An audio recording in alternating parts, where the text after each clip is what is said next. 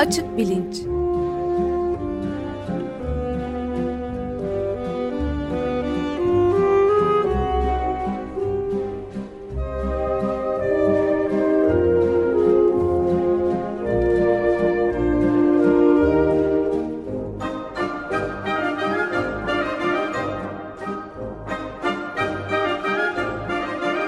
Güven Güzeldere ile bilim ve felsefe sohbetleri.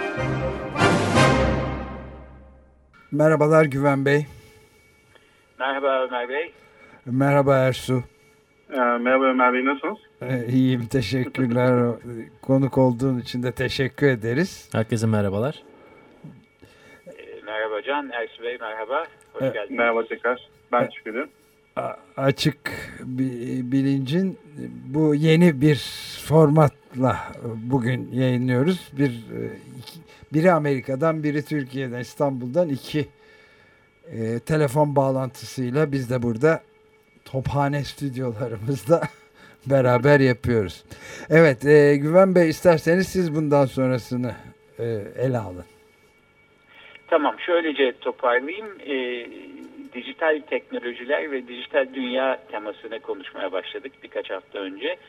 E, dijital bilgi akışının güvenilirliği, özel hayat, e, bilginin e, egemen güçlerle olan ilişkisi, sansür filan gibi e, meseleleri e, tartışa geliyoruz.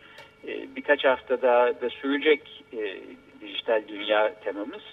Bu temanın e, çerçevesinde e, açık bilinçte de ilk defa olmak üzere bir konuk e, programımıza e, alalım dedik. Ersu Ablak teşekkür ederiz kendisine. E, ben açık, çok sağ olun. E, açık Radyo dinleyicilerinin bildiği e, üzere e, Cuma günleri Cem Tecimen'le birlikte Ersu Ablak Bilgi Çağı isimli bir e, program yapıyor. Benim de sürekli dinlediğim ve çok beğendiğim bir program. E, bilgi çağından da kasıt anladığımız kadarıyla dijital teknolojilerin dönüştürdüğü yeni dünyamızın e, çağı.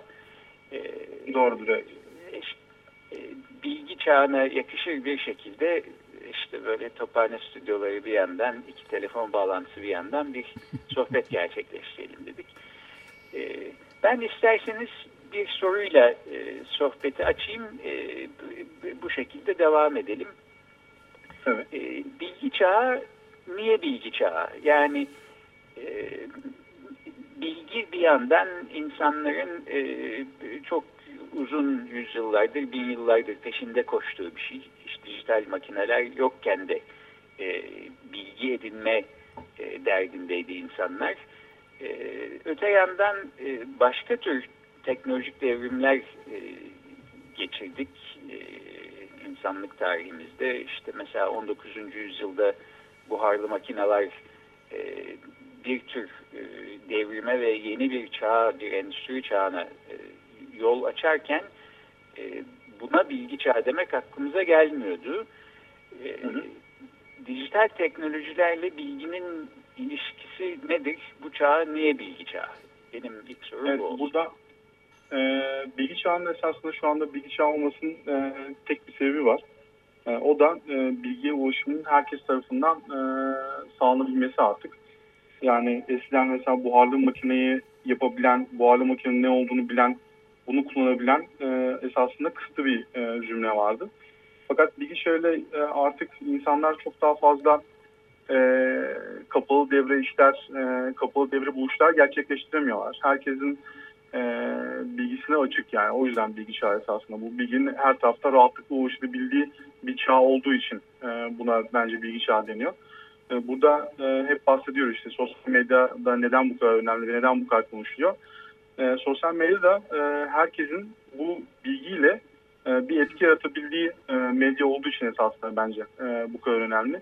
Çünkü siz tek bir birey olmanıza rağmen e, daha önceden e, saklanan bir bilgiye ulaştığınız andan itibaren e, herhangi büyük bir medya kuruluşunun yapabildiği etkiyi internet üzerinden yapabiliyorsunuz. Bu da esasında bireyin gücünü e, çok arttıran bir şey. Eskiden bir birey devlete karşı veya çok büyük bir yani uluslararası bir şirkete karşı duruşunda tek başınayken şimdi bilgisayar ekranı vasıtasıyla milyonlarca insana rahatlıkla ulaşabiliyor ve bir etki yaratabiliyor. Yani buradaki e, sürekli bilgi çağı denmesinin, sürekli sosyal medya denmesinin ardında yatan sebep bu bence. Evet, e, o zaman e, ben de bu noktada biraz e, karşı görüş, Tabii, şeytan avukatlığı dedikleri gibi bir şey yapayım. Evet. e, yani e, özellikle bu çok büyük bir e, senin de dediğin gibi Ersu, e, yani geniş bir özgürleştirme alanı açtı. Bu internet e, teknolojisinin bilgi çağı dediğimiz ortamın e, aşikar. Buna karşılık da tarihte görülmemiş hatta boyutlara ulaştığı da e, söylenebilir. Hı hı.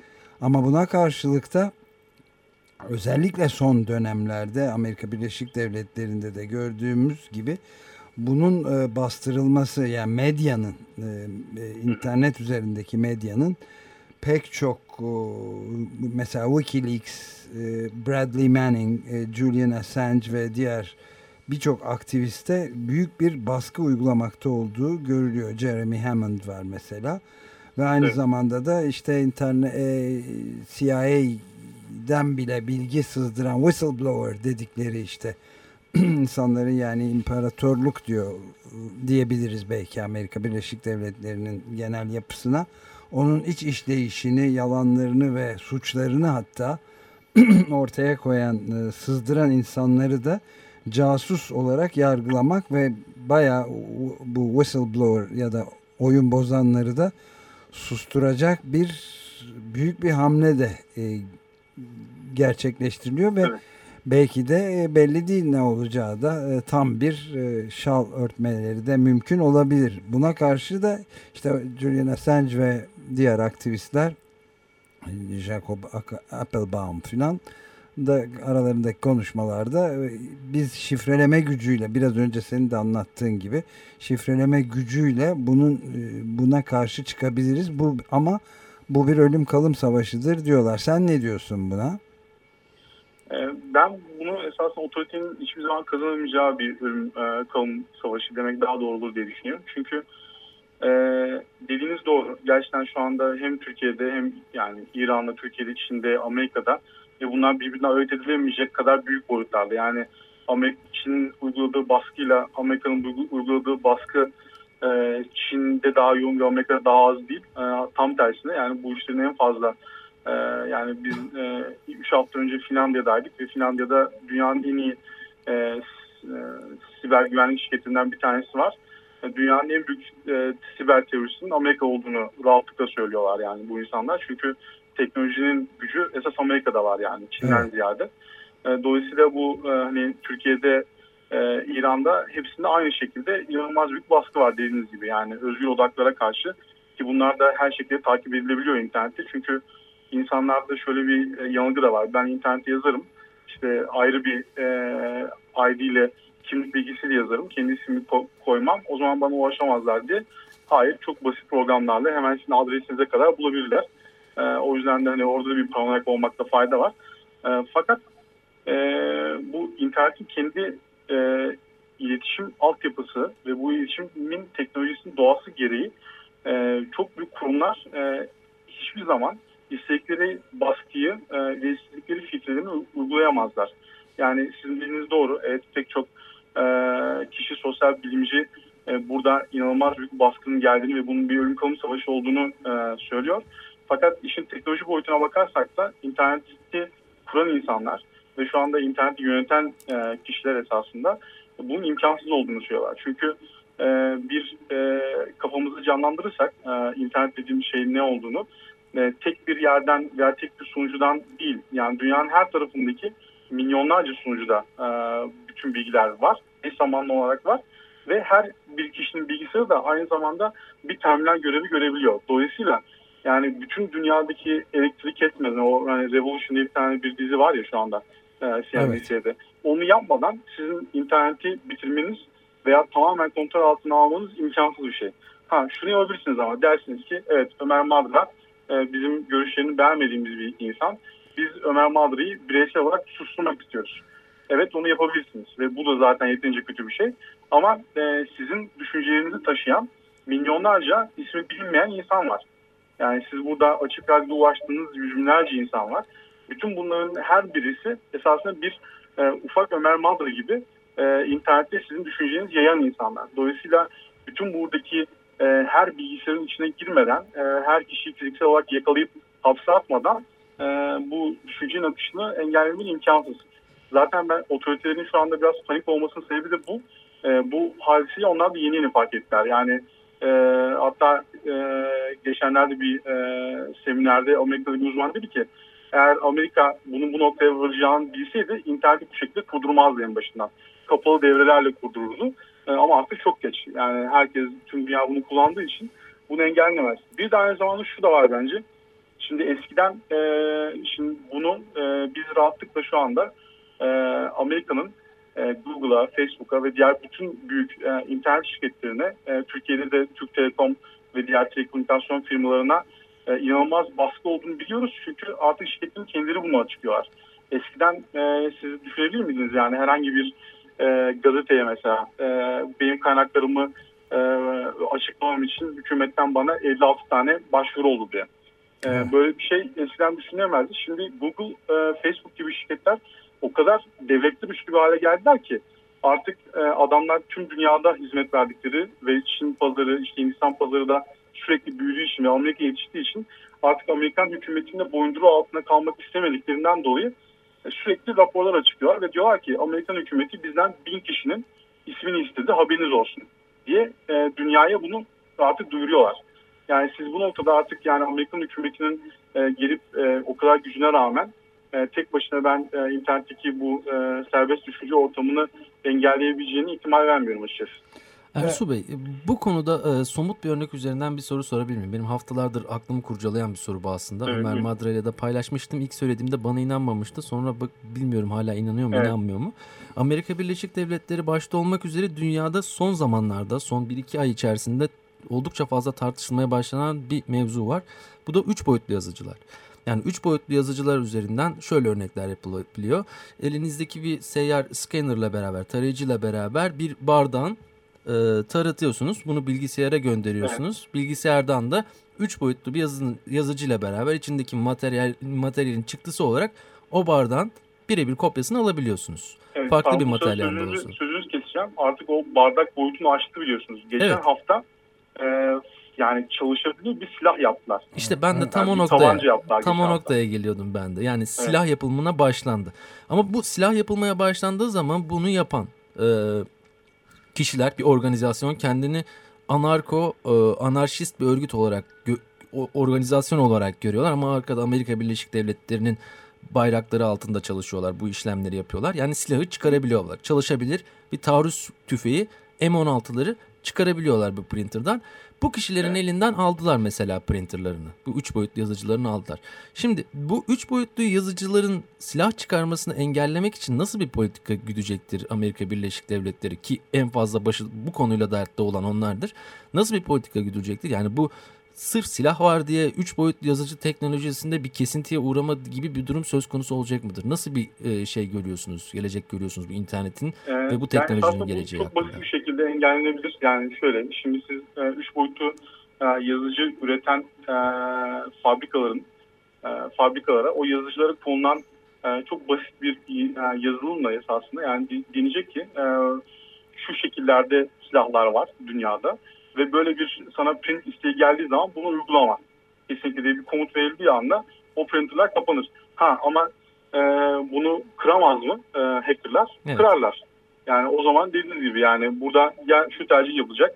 Ben legal olarak e, yapmam gerekeni yani e, yasal olarak yapmam gerekeni yapacağım. Ve bu yazıcılara bir tane e, mutlaka zorunluluk, zorunluluk koyacağım ki e, hani silaha dönüşebilecek parçalar üretme e, komutunu koyacağım. Ondan sonrası ondan sonrasında devlet olarak ben karışamam diyebilir ki bence yapacağı budur. Çünkü üç boyutlu e, yazıcıların e, çok büyük bir geleceği var. E, yani herkes şu anda yani Japonya'da falan da e, bu teknoloji üzerine çalışıyor. Hatta orada e, çok daha farklı şekillerde işte üzerinize giyebileceğiniz tişörtler vesaire falan e, üretilmesi e, gündemde ama yani hani bunu nasıl bir ekonomik sisteme çevireceğini konuşuyorlar. Siz mesela e, evinizde 3 kilo pamuk mu taşıyacaksınız yani onu tişörte e, çevireceksiniz falan. Artık insanlar gidip mağazalardan tişört yerine doğrudan pamuk mu alacaklar e, tarladan falan gibi. E, böyle çok enteresan e, esasında konuşmalar e, var. Hani e, oradaki ekonomik sistemin nasıl olacağına dair e, bir e, ekonomik şeyler ilerlemek. Ama yani sonuçta pazarımız internet olacak bu galiba. Bu boyuttayken e, siz e, üç boyutlu printin önüne geçemezsiniz yani. Sadece böyle bir yazılım yapacaksınız ve diyeceksiniz ki bu e, bunun haricinde buradan size üretmek suçtur. Yakalayabildiğinizde de ceza keseceksiniz. Ama yani bu dediğiniz gibi sonuçta e, Türkiye gibi e, terörle e, çok başı belada olan ülkeler için kabus bir şey tabii ki. Ben de bir ekleme yapayım. Aslında bu e, üç boyutlu yazıcı teknolojisi beklenmedik bir gelişme oldu. Şu açıdan da ilginç. E, yazıcı demek aslında e, bir bakıma yanlış. Çünkü bir üretim atölyesinin portatif evet. hali falan e, belki demek lazım.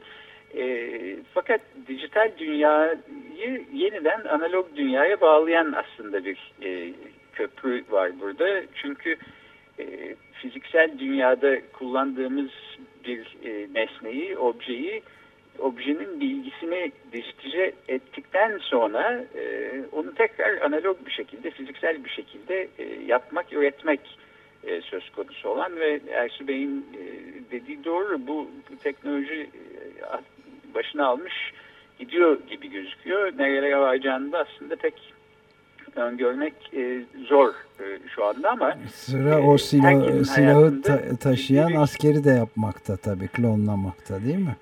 E, o konuda da çalışmalar sürüyor Ömer Bey fakat e, onun onun yapılması daha zor gibi gözüküyor.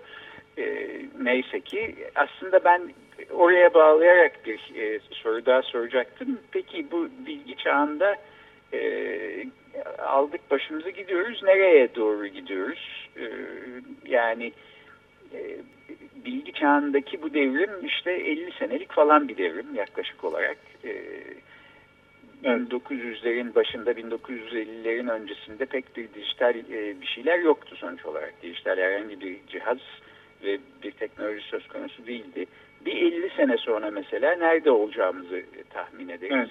Ee, Esasında yani 50 e, 50 seneye kalmadan çok e, gerçekten böyle bilim kurgu e, filmindeki e, yapılan bazı şeyler e, gerçek olacak. Yani işte 3 boyutlu e, printi bunlardan bir tanesi. Bu arada ben hemen e, bir hani askeri yapmakta kaldı de, demiştiniz. Orada e, şu anda mesela e, geçen e, ay e, Wired dergisine kapak olan bir haber vardı. Amerikan hükümetinin uğraştığı şey e, hani filmlerde oluyor böyle böcek, kuş falan gibi etraftan fark edilmeden e, gidip yani bir odaya girip bombayı patlatabilecek e, robotlar yani uzaktan kumandalı e, uçak yerine artık yani biz şu anda uzaktan kumandalı uçak peşindeyiz. E, Amerika ise tamamen yani bir kuştan öğretilemeyen e, bir cihaz yapıp e, onunla istediği odayı patlatma peşinde. Yani hani Or, orada böyle bir e, faktör aramızda askeri teknoloji açısından. E, sizin sor, sorunuza e, dönecek olursak şöyle artık e, zaten bir sonraki adımı e, bilgi çağının e, internetten e, akıllı aramalar yapabilen yazılımlar. Yani şöyle şu anda ki bizim yazılımlarımız e, bir tek fonksiyonu e, yerine getirmek üzerine e, 2013 yılında geldiğimiz noktada. E, fakat bir süredir yazılımcılar birden fazla fonksiyonu aynı anda yapıp bir sonuç çıktısı alabilen yazılımlar üretiyorlar. Yani şöyle diyelim sizin bizim hayatımıza e, etkisi nerede olacak bunun? Biz pasaporta başvurmak istiyoruz. Şu anda bir e, internet sitesine girip bir bilgi formu e, dolduruyoruz. Ondan sonra o bilgi formu e, emniyete ulaşıyor. Emniyette bir takım işlemlerden geçiyor. Bize bir gün veriyorlar. Biz gidiyoruz o e, günde işte imza atıyoruz vesaire falan. Bunun yerine e, emniyetin altyapısındaki e, bir yazılımla bizim bilgisayarımızdaki bir yazılım konuşup e, bizim istediğimiz pasaportu adresimize gönderecekler. Bunu nasıl yapacaklar? Siz yazılımı diyelim pasaport yazılımı olacak. Tıklıyorsunuz. E, çeşitli yani bütün sosyal medyadan siz herhangi bir şey girmeden e, sizin bütün bilginizi alıyor. E, emniyetin e, programına yüklüyor. Emniyetin programı e, sizi araştırıyor. Diğer, diğer devlet e, dairelerindeki e, programlar vasıtasıyla evet pasaport almaya uygundur. Bu kadar pasaportu da şu bankaya yapmıştır bilgisini onaylayıp e, bilgisayarı hiç yani şey pasaportu hiç el değmeden sizin evinize ulaştırıyor. Dijital bürokrasi. yani bizim bir 15 yani 15 sene kalmadan hemen 3-4 sene içinde göreceğimiz hep bu tip yazılımlar olacak artık. Evet. E, yani, yani an, anne adı baba adı sormaya gerek yok. Çünkü zaten bütün bilgiler elimizde diyecekler. Öyle gözüküyor. Aynen öyle. Evet. E, bu noktada tabii yani e, tarihte belki de görülmüş en yüksek e, e, işte sizin de herkesin de söylediği gibi devrimden bahsediyoruz. En yüksek seviyeye ulaşmış bir e, teknolojik gelişme var. Ama aynı zamanda da belki de tamamen George Orwell'in de işte 1984 gibi distopyalarında da ortaya koyduğu gibi bütün bunları bastırmak için özellikle çok güçlü şirketlerin elindeki e, büyük bir e, totaliter e, bütün bu bilgi enformasyon sistemlerini kontrol altına almak ve işte biraz önce örneğini verdiğimiz gibi Wikileaks, Bradley Manning olaylarında olduğu gibi korkutarak insanları da bundan iyice vazgeçirmeye yönelik her türlü devletin iç yapısını, bu kuvvet merkezlerinin çalışmasını dan caydıracak da büyük bir e, şey var. Yani çok e, tam bir kavşak noktasında olduğumuz evet. hissiyatı var bende şahsen yani. Aynen yani son bir şey söyleyeyim galiba programın yavaş yavaş sonuna geldik. Ee, Ömer Bey burada ki anahtar nokta esasında şu e, artık teknoloji e, ve internet teknolojileri öyle bir boyuta geldi ki gerçekten bizim hayatımızı e, süper kolaylaştırabilir. Yani bizim hiçbir e, artık bürokrasi, bürokratik engeli takılmadan bütün işlemlerimizi yapmamızı sağlayacak noktaya gelecek. Fakat bir şartla sizin tamamen sisteme teslim olmanız kaydıyla evet, olacak. Yani aynen, aynen öyle. bilgilerinizi, her şeyi ve çok iyi bir vatandaş olacağınız e, sözünü peşinden verdiğiniz takdirde teknolojinin nimetlerinden faydalanabilirsiniz. Ama e, sistem dışı düşüneceğim ben. E, artık hükümete karşı e, onun aleyhine e, ben e, yazılar yazmak istiyorum, paylaşımlarda bulunmak istiyorum derseniz o zaman da bu sisteme asla katılamayacaksınız gibi bir durum var yani. Ama bir yeraltı var galiba. Efendim? Bir yeraltı var. Bu sisteme tabi olmamak için kullanabileceğiniz bazı yeraltı kaynakları var mesela. Tabii canım. Yani sonuçta yani sistemden çıkmak her zaman bir tercih zaten. Yani e, hani e, esas özgürlük seçmemektir diye bir şey var ya. E, yani gerçekten de belki de e, diyeceksiniz ya ben pasaportumu eski usul alayım e, ve hiç bu işlere bulaşmayayım. Bütün bilgilerimi internetten toplayayım. E, ve hani internette hiç dahil olmadan hayatımı sürdürebileyim. Tabii o da bir e, tercih meselesi. Ama, Ama bu, işte ikisini aynı anda yapmak e, gittikçe zorlaşıyor yani. İşte net. Bu, bundan bahsetmiyorum da tam olarak e, Julian Assange'ın ve arkadaşlarının bahsettiği şifre punk da bu sistemin ha. içerisinde evet. olup da sistemin bir şekilde dışında kalabilmek. Yani bir şifreleme metoduyla bir şekilde kendi alanını yaratabilmek gibi bir durum söz konusu olabilir diyorlardı. Ee, biz de öyle bir olanağın var olduğunu düşünüyorduk. Kitaba bir, biraz göz gezdirdikten sonra. Yani bununla alakalı ya, teknolojiler vardır muhakkak. Ya tabii ki ama yani sonuçta orada da, orada da gene e, sürekli hükümetin kırmak istediği bir şifreden bahsediyoruz yani. Evet, evet. E, o yani, yani tam olarak bir özgürlük e, değil. O hakikaten gizlen yani gizleniyorsunuz siz. Evet, kaçış. Yani bir şeyden gizlenmeniz gerekecek yani gerekiyormuş gibi. Abi göğsünüzü gere gere e, bütün sosyal medyanın nimetlerinden, teknolojiden de faydalanabiliyor olmanız lazım. Fakat işte hükümetlerin e, bizi zorladığı nokta bu. Yani e, eğer sen e, kendi yani benim sistemime gireceksen benim istediğim gibi bir insan olmanı tercih ettiği için hükümetler e, sizin diğer bütün bilgilerinize de ulaşmak, e, her şeyi takip etmek istiyorlar. Yani bu e, Melik Gökçe'nin mesela açtığı davalar e, Türkiye için çok büyük bir kırılma noktası bu arada. Yani siz daha önce konuştuğunuz mu onları bilmiyorum ama e, Twitter'dan kendisine e, kendisi aleyhinde yorum yapan herkesi dava açıyor Melik Gökçe şu anda. E, ve bu esasında evet, sosyal medyayla e, ilgili bir durum, sosyal medya ile ilgili bir durum değil. Yani tamamen e, düşünce özgürlüğü ile ilgili bir durum. Biz total olarak e, düşünce özgürlüğünün arkasında durmazsak da e, giderek e, devlet bu baskıyı arttıracak diye düşünüyorum ben. Evet. Doğru. Bunun dünyada irili ufaklı bir sürü örneği de var. E, açık gazetede e, açık bilinçte değil ama daha önceki bir programda bahsedilmişti. Mesela e, Aaron Swartz isimli evet. e, aktivist çocuğa ne kadar yüklendikleri, e, intihar etmek e, durumunda bıraktıkları e, filan konusu. Bu e, sistemin ve hegemonyanın e, sen bize teslim ol, e, e, bu şekilde sistemin nimetlerinden yararlan e, şeyini açmazını sunduğu e, bireylerin oluşturduğu sistemin adına ileri demokrasi filan mı deniyor? E, tam şimdi karıştırdım orasını ama e, bir sürü hükümetin e, çok isteyeceği, memnun kalacağı bir şey olacağı kesin. Bundan sizin de bahsettiğiniz gibi belki son soru olarak ben kendi soracağım son soru olarak şunu sorayım. Bireysel olarak bundan uzak durmak belki mümkün. Yani dijital hiçbir e, cihaz kullanmazsam aslında benim hakkımda tabii yine bilgi toplanabilir. İşte MOBESE kamerasından e, görüntüm çekilebilir filan ama e, bir sürü bilginin değerlenmesi benim hakkımda çok daha zor olacaktır. E, öte yandan bu e, dijital dünyanın tamamıyla dışında kalmamı gerektiren bir şey. E, dijital evet. dünyanın dışında kalmadan e, ve bireysel olarak değil e, örgütlü bir biçimde toplumsal olarak e, ne yapmak gerek, ne yapmalıyız, ne şekilde hareket etmeliyiz ki 1984 e, senaryosuna doğru giderek evrilmesin. Evet, e, e, Ersun ne diyorsun buna? Yani toplum yani toplumsal olarak ne yapabiliriz diye mi? Evet. Yani ben son kısmını duyamadım da. Ha, öyle mi? Yani e, Güven Bey isterseniz sorunun düğüm noktasını tekrarlarsanız lütfen. Evet yani bireysel olarak dijital dünyanın dışında yer almak e, yerine dijital dünyayı e, özgürlükçü ve açık bir platform haline dönüştürmek ve 1984 senaryosu şeklinde evrilmesini önlemek, engellemek e, için ne yapmalıyız?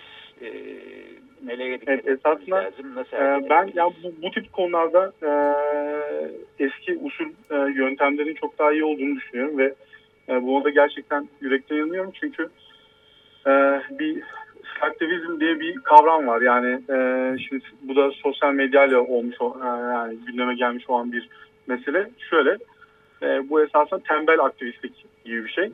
E, siz bilgisayarın başında herhangi bir sosyal medyadan işte beğenerek ondan sonra beğenmediğiniz bir haberi diğer insanlara duyurarak e, böyle ufak çapta kendinizi rahatlatacak e, kadar e, ama e, otoriteleri rahatsız etmeyecek ölçüde bir aktivist yani aktivistlik yapıyorsunuz ve etrafa diyorsunuz ki ya işte ben e, elimden geleni yapıyorum.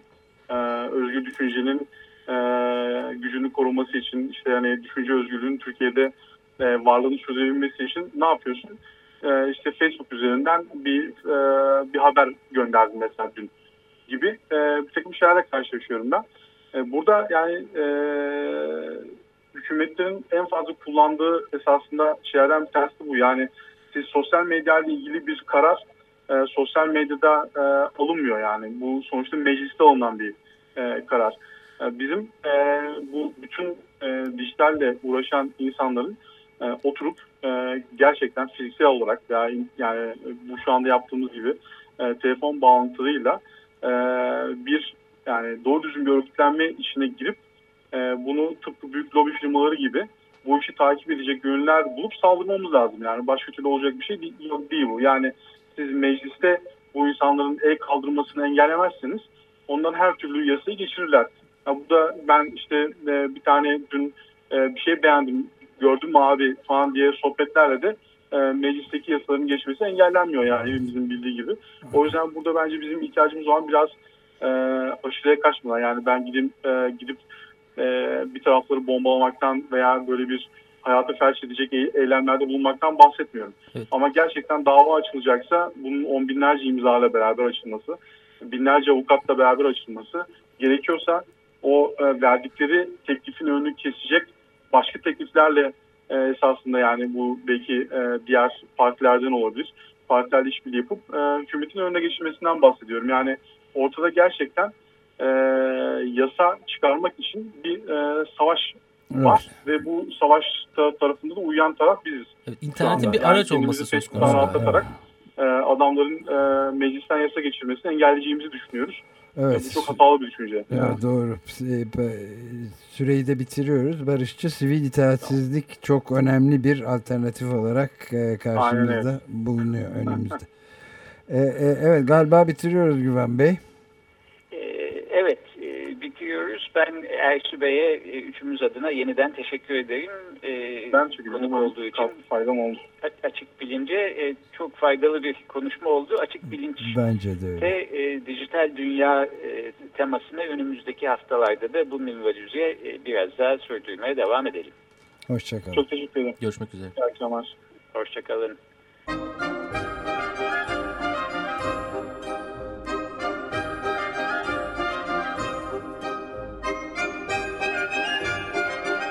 Açık Bilinç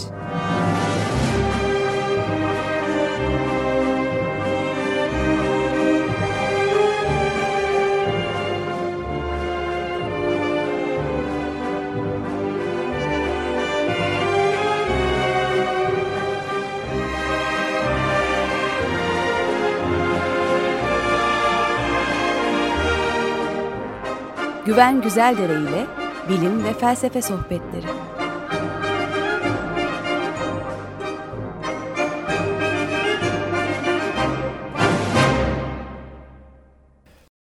Radyo program destekçisi olun. Bir veya daha fazla programa destek olmak için 212 alan koduyla 343 41 41